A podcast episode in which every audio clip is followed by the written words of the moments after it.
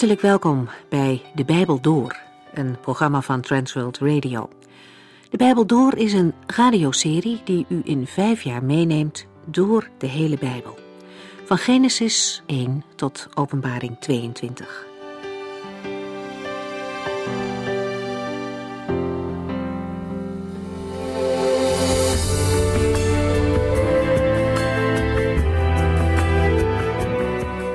We zijn bezig met de bespreking van het Matthäus-evangelie en vandaag maken we een begin met misschien wel een van de bekendste toespraken van de Heer Jezus, de bergreden. Maar eerst nog, wat gebeurde er in de vorige aflevering? Daarin hoorden we onder meer over de vier eerste mannen die geroepen werden om de Heer Jezus te volgen. Ze waren niet volmaakt. En laat dat een aanmoediging zijn voor ons. We zagen dat de Heer Jezus juist hele gewone mensen gebruikt in zijn dienst. En in navolging van hen mogen wij ook op zoek gaan naar mensen om het goede nieuws aan door te geven. Ook wanneer we onszelf daar misschien niet zo geschikt voor vinden. Ieder mag het doen op zijn eigen manier.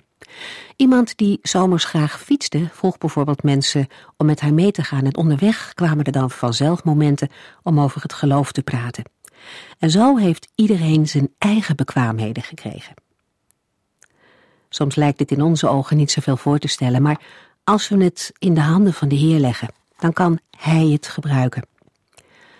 Om in zijn dienst te werken is het wel belangrijk dat we allereerst zelf leerling van de Heer Jezus zijn. Hij riep onvolmaakte mensen om in zijn dienst te staan, om vissers van mensen te worden. In de vorige aflevering hoorden we ook dat de Heer Jezus uit Nazareth wegging.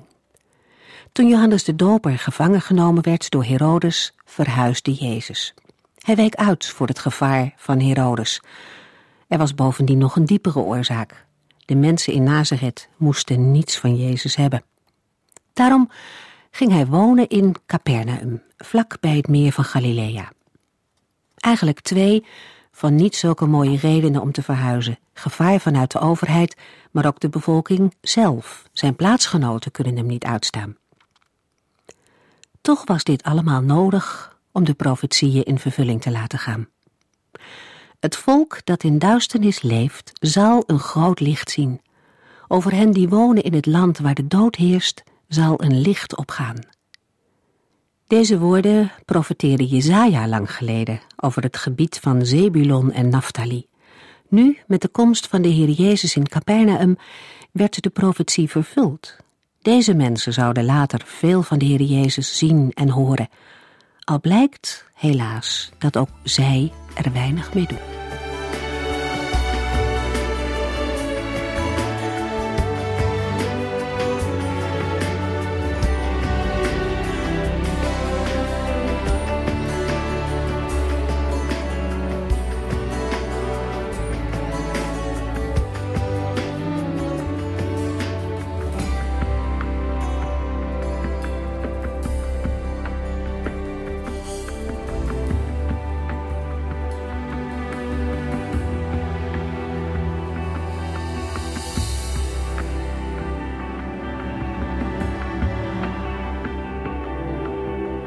In Matthäus 5 onderwijst de Heer Jezus zijn leerlingen over de grondwet van zijn koninkrijk.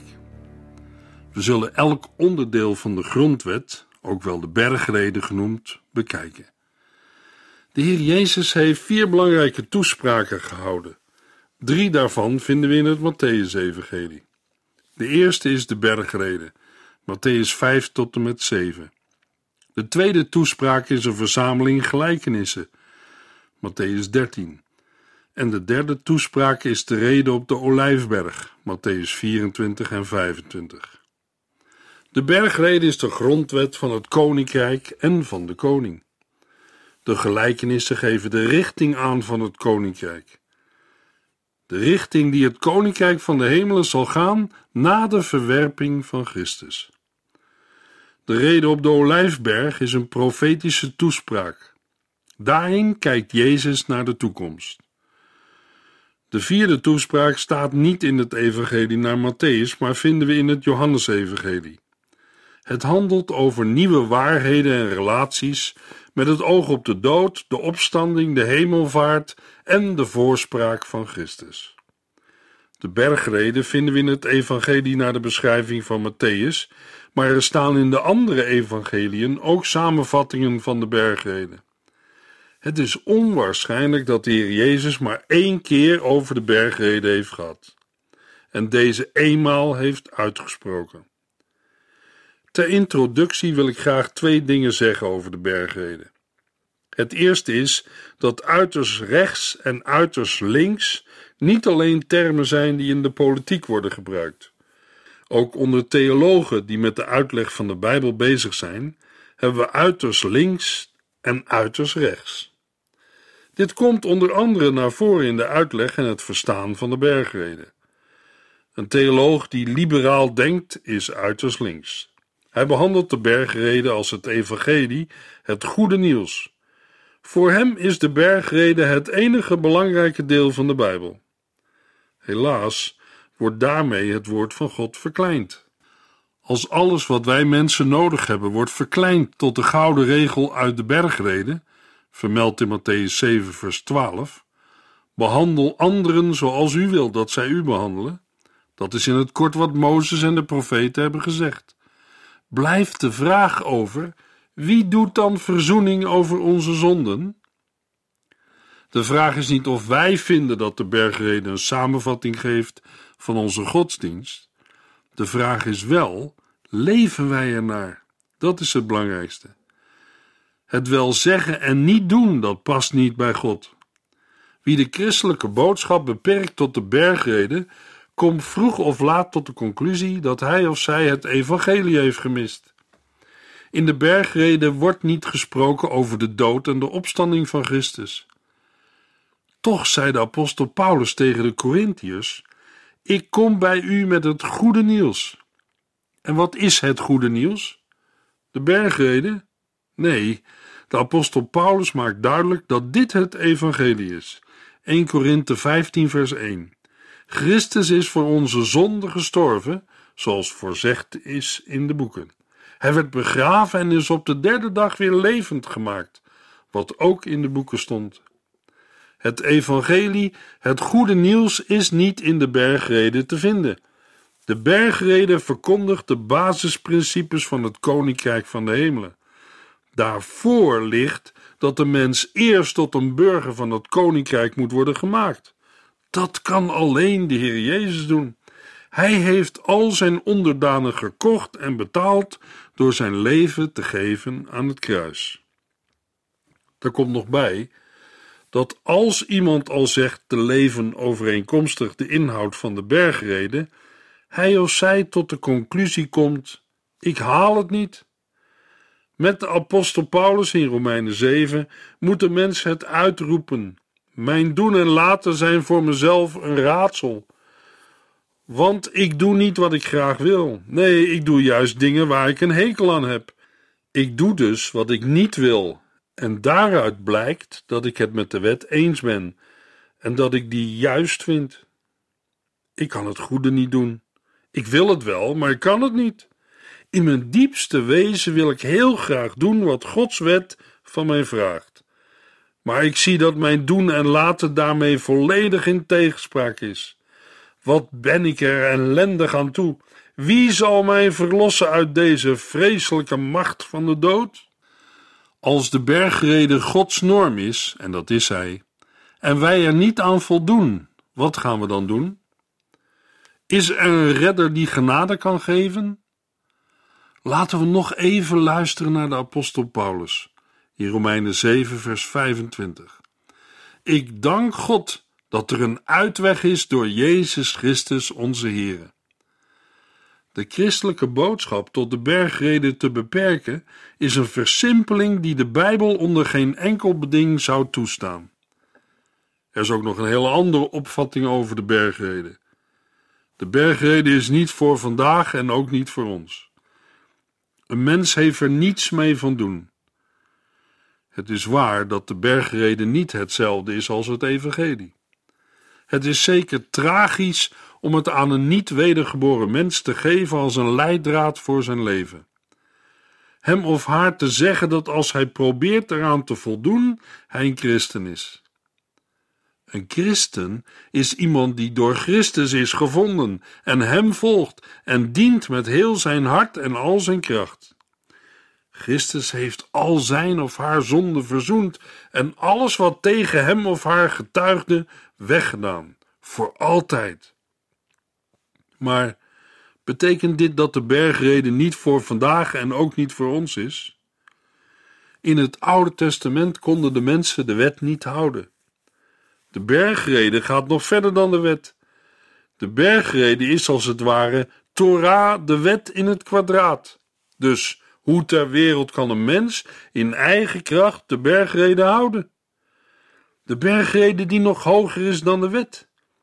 Paulus zegt: Het was voor de wet niet mogelijk te bevrijden, omdat zij stuk liep op de zwakheid van de menselijke natuur. En daarom heeft God zijn eigen zoon als mens in het zondige bestaan gestuurd. Om ons te bevrijden van de zonde heeft hij het oordeel van God op zich genomen. Nu wordt aan de eis van de wet voldaan, want wij doen niet meer onze eigen zin, maar laten ons leiden door de Heilige Geest. Romeinen 8, vers 3 en 4. Zulk onderwijs vind je niet in de bergreden. De bergrede bevat niets over de bediening van de Heilige Geest. Het hoofddoel van de bergrede is om de wet van het koninkrijk aan de mensen voor te leggen. In Matthäus praten we over de koning die gekomen is om zichzelf voor te stellen. Johannes de Doper was zijn voorloper en deze koning roept discipelen om hem te volgen. Nu verkondigt hij de wet van het koninkrijk. Christus zal in eigen persoon op aarde regeren en zal ieder woord ervan afdwingen. De bergrede zal uiteindelijk zegevieren wanneer hij, wiens recht het is om te heersen, zal komen. Het is voor mij ondenkbaar dat iemand die Jezus nu als Heere kent en erkent, zou zeggen dat hij of zij niets met de bergrede te maken heeft. Een christen die Jezus Christus Heere noemt, zal proberen te doen wat hij zegt en vraagt. Hij of zij kan alleen gehoorzamen in de kracht van de Heilige Geest. Alleen het evangelie van de genade van God verandert mensen en maakt hen door de Heilige Geest gehoorzaam aan Christus. Ook daartoe werd het evangelie gegeven om mensen tot gehoorzaamheid aan God te brengen. De bergrede moet gepredikt worden om harten van mensen te overtuigen. Het laat mensen weten en zien dat ze gezondigd hebben. Het onthult dat niemand rechtvaardig is en dat allen gezondigd hebben en aan Gods eer tekort doen. Een christen mag de principes die in de bergrede zijn neergelegd in het licht van de rest van de Bijbel bekijken. Het zal een bredere kijk op en een beter begrip van het onderwijs en de verkondiging van Christus geven. Alleen in de bergrede kunnen we Christus' definitie van moord en overspel vinden. Twee geboden worden door de heiland naar voren gehaald. U mag niemand doodslaan en u mag niet echt breken. Exodus 20, vers 13 en 14. Zijn dit de enige geboden die door de heiland op een hoger niveau worden gebracht? Het antwoord lijkt duidelijk. Het zijn de enige twee die in het Matthäus-evangelie worden vermeld. Natuurlijk kan de Heer Jezus Christus ieder gebod tot een hoger niveau van vervulling verheffen. Als van de wet van Mozes wordt gezegd, maar wij weten dat niemand door God als rechtvaardig beschouwd kan worden door zich aan de Joodse wetten te houden. Dat kan wel door in Jezus Christus te geloven. Gelaten 2, vers 16 dan is het tien keer moeilijker voor een mens om zich aan de bergreden te houden en daardoor rechtvaardig te worden. Probeer de twee geboden: u mag niemand doodslaan en u mag niet echt breken, eens over uw eigen leven heen te leggen. Laat me met een verhaaltje duidelijk maken wat ik bedoel. Een predikant werd door een van zijn gemeenteleden gevraagd om tijdens een zakenlunch van de Kamer van Koophandel het evangelie door te geven. Het gemeentelid was zelf ouderling in de kerk en vicepresident van een bank. Hij had tegen de dominee gezegd: U hebt maar een paar minuten, maar ik wil graag dat u deze zakenlieden het evangelie brengt. Op de bewuste dag was de dominee vrij vroeg bij de zaal waar de lunch plaatsvond.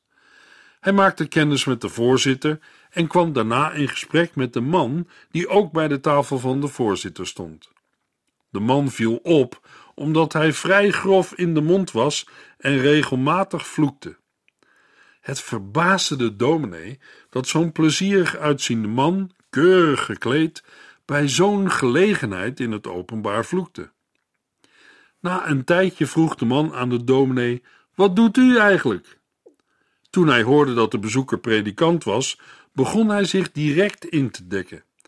Hij verontschuldigde zich voor zijn taal en de dominee vertelde hem dat hij zich niet bij hem moest verontschuldigen, maar bij de Heere God. Verder in het gesprek vertelde hij ook dat hij een functie bij een bepaalde kerk had en dat de bergreden zijn godsdienst was. De dominee pakte zijn hand en zei: Laten we elkaar de hand schudden. Ik feliciteer u. U heeft een fantastische godsdienst. Kunt u er een beetje mee uit de voeten? De man keek de dominee aan alsof hij water zag branden en vroeg: Wat bedoelt u? Nou, u zei dat de bergreden uw godsdienst is en ik vraag: Lukt het u ook om er naar te leven? Dat probeer ik, zei de man. Dat is mooi, maar de Heer Jezus zegt in de bergreden dat de mens gezegend is als hij of zij deze dingen doet. Dat is nog wat anders dan ze proberen of ermee instemmen. De man reageerde vrijmoedig en zei: Ik denk dat ik ze doe. De dominee stelde voor de proef op de som te nemen en de man stemde ermee in. De dominee begon met de eerste vraag.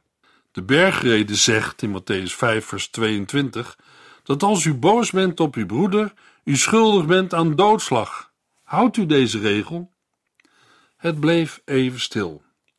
Ja, dat gaat wel heel ver, zei de man. Maar ik denk niet dat ik boos genoeg ben geweest om iemand te doden. Prachtig, zei de dominee en citeerde een ander gedeelte uit de bergreden. Matthäus 5, vers 28. Wie met begeerige ogen naar een vrouw kijkt, heeft in zijn hart al overspel met haar gepleegd.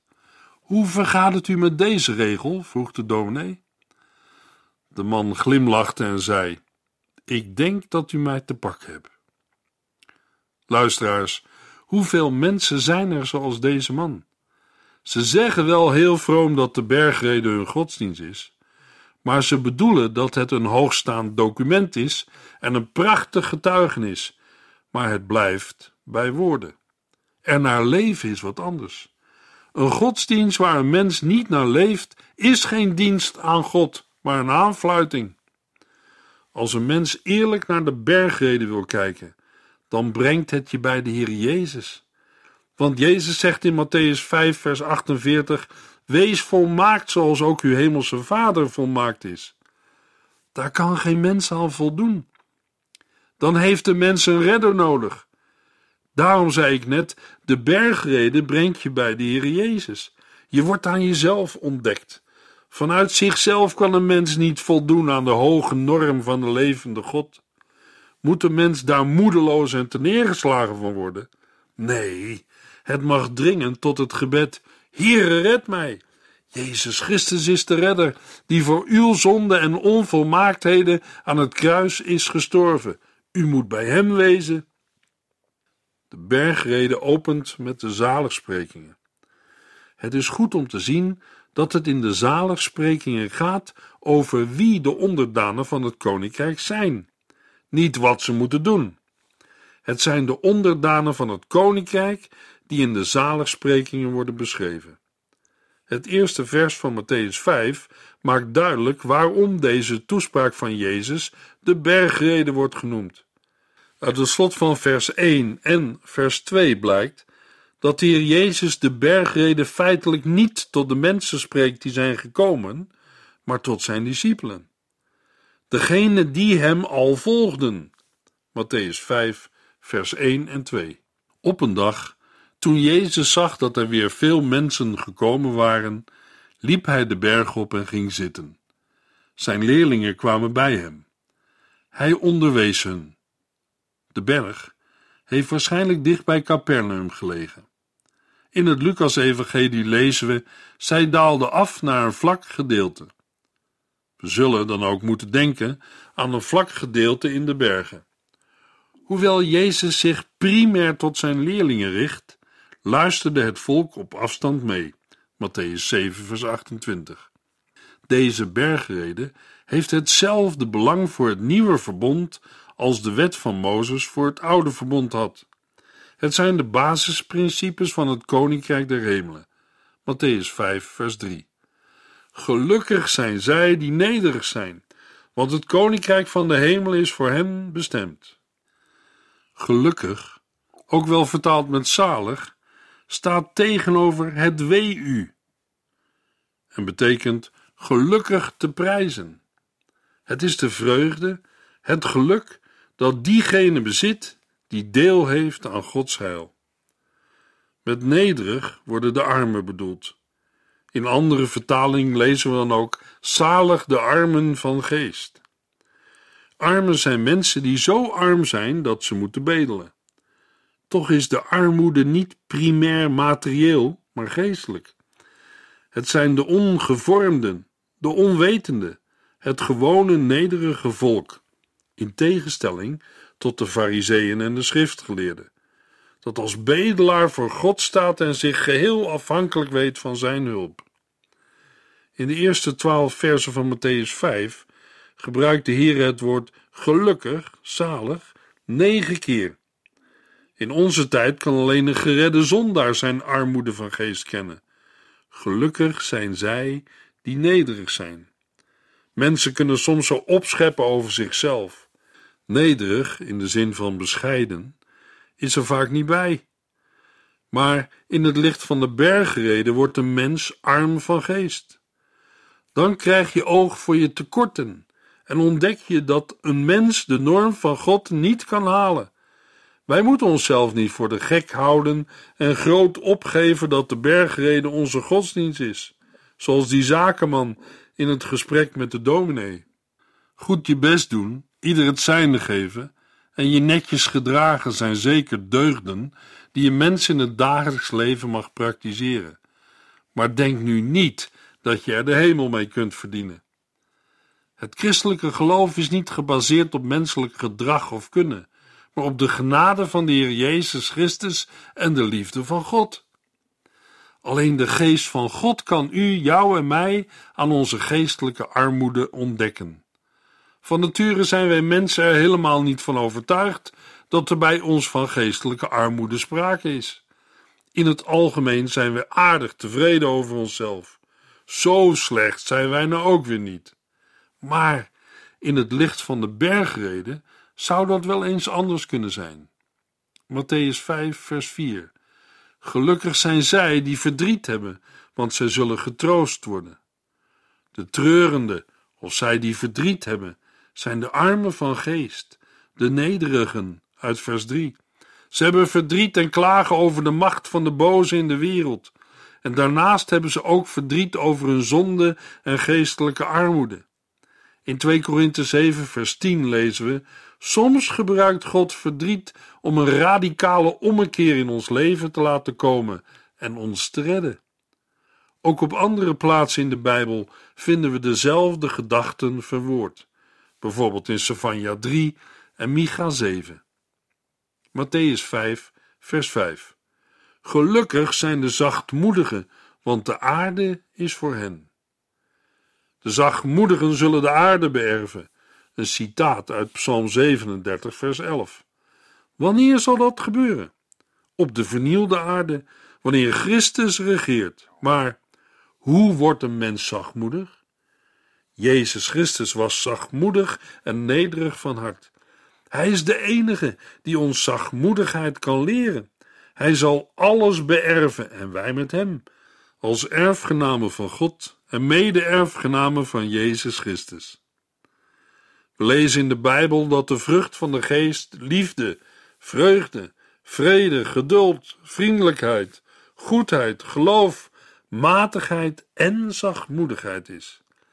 Alleen de Heilige Geest kan een mens zachtmoedig maken.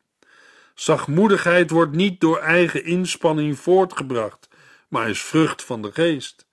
De apostel Paulus zegt in 1 Korinthe 6 vers 2: Weet u niet dat de gelovigen straks over de wereld zullen recht spreken? De zaligsprekingen in het Nieuwe Testament vinden aansluiting bij het Oude Testament. Gelukkig geprezen worden zij die hun sterkte vinden in de Here, of om het Oud-testamentisch te zeggen, die de God van Jacob tot hun hulp hebben. Kenmerkend voor de zaligsprekingen is het motief van de vervulling. Gods koninkrijk is in aantocht. Jezus kondigt het ook aan in de synagoge van Nazareth met het citeren van Jesaja 61 vers 1 en 2. Nu het koninkrijk der hemelen nabij is, vindt een herwaardering van waarde plaats. Het heil van het koninkrijk der hemelen wordt toegezegd aan het volk van de Messias. Die toekomst is in Christus begonnen. Hij is de koning van het rijk, nu nog verborgen, maar daarom niet minder reëel. Op de grens van geluk en zaligheid staat het kruis van Christus. Matthäus 5, vers 6. Gelukkig zijn de mensen die er naar hunkeren dat Gods wil wordt uitgevoerd, want zij zullen volkomen tevreden worden gesteld. Maar voor wie geen raad meer weet, doe niet die stap die je toch zou betreuren. Bedenk dat je niet enkel voor jezelf bestaat. Denk aan die ander die je achterlaat en die geen mens heeft om hem op te beuren. Wees sterk en houd je hoofd omhoog geheven en weet dat alles mogelijk is voor wie gelooft. Al voel je je van alle moed en hoop beroofd, er is een uitweg naar een ander leven. De weg is smal en niemand kan hem lopen, dan wie zich leiden laat door Jezus' hand. Grijp die dan vast, ik smeek je. Loop niet langs de rand van het ravijn. Daar ligt de afgrond open. Toe, geef aan Jezus je kapotte leven. De enige die nooit een mens heeft laten staan, omdat hij zelf ook door een hel is heen gegaan. Hij is de enige die je weer moed kan geven.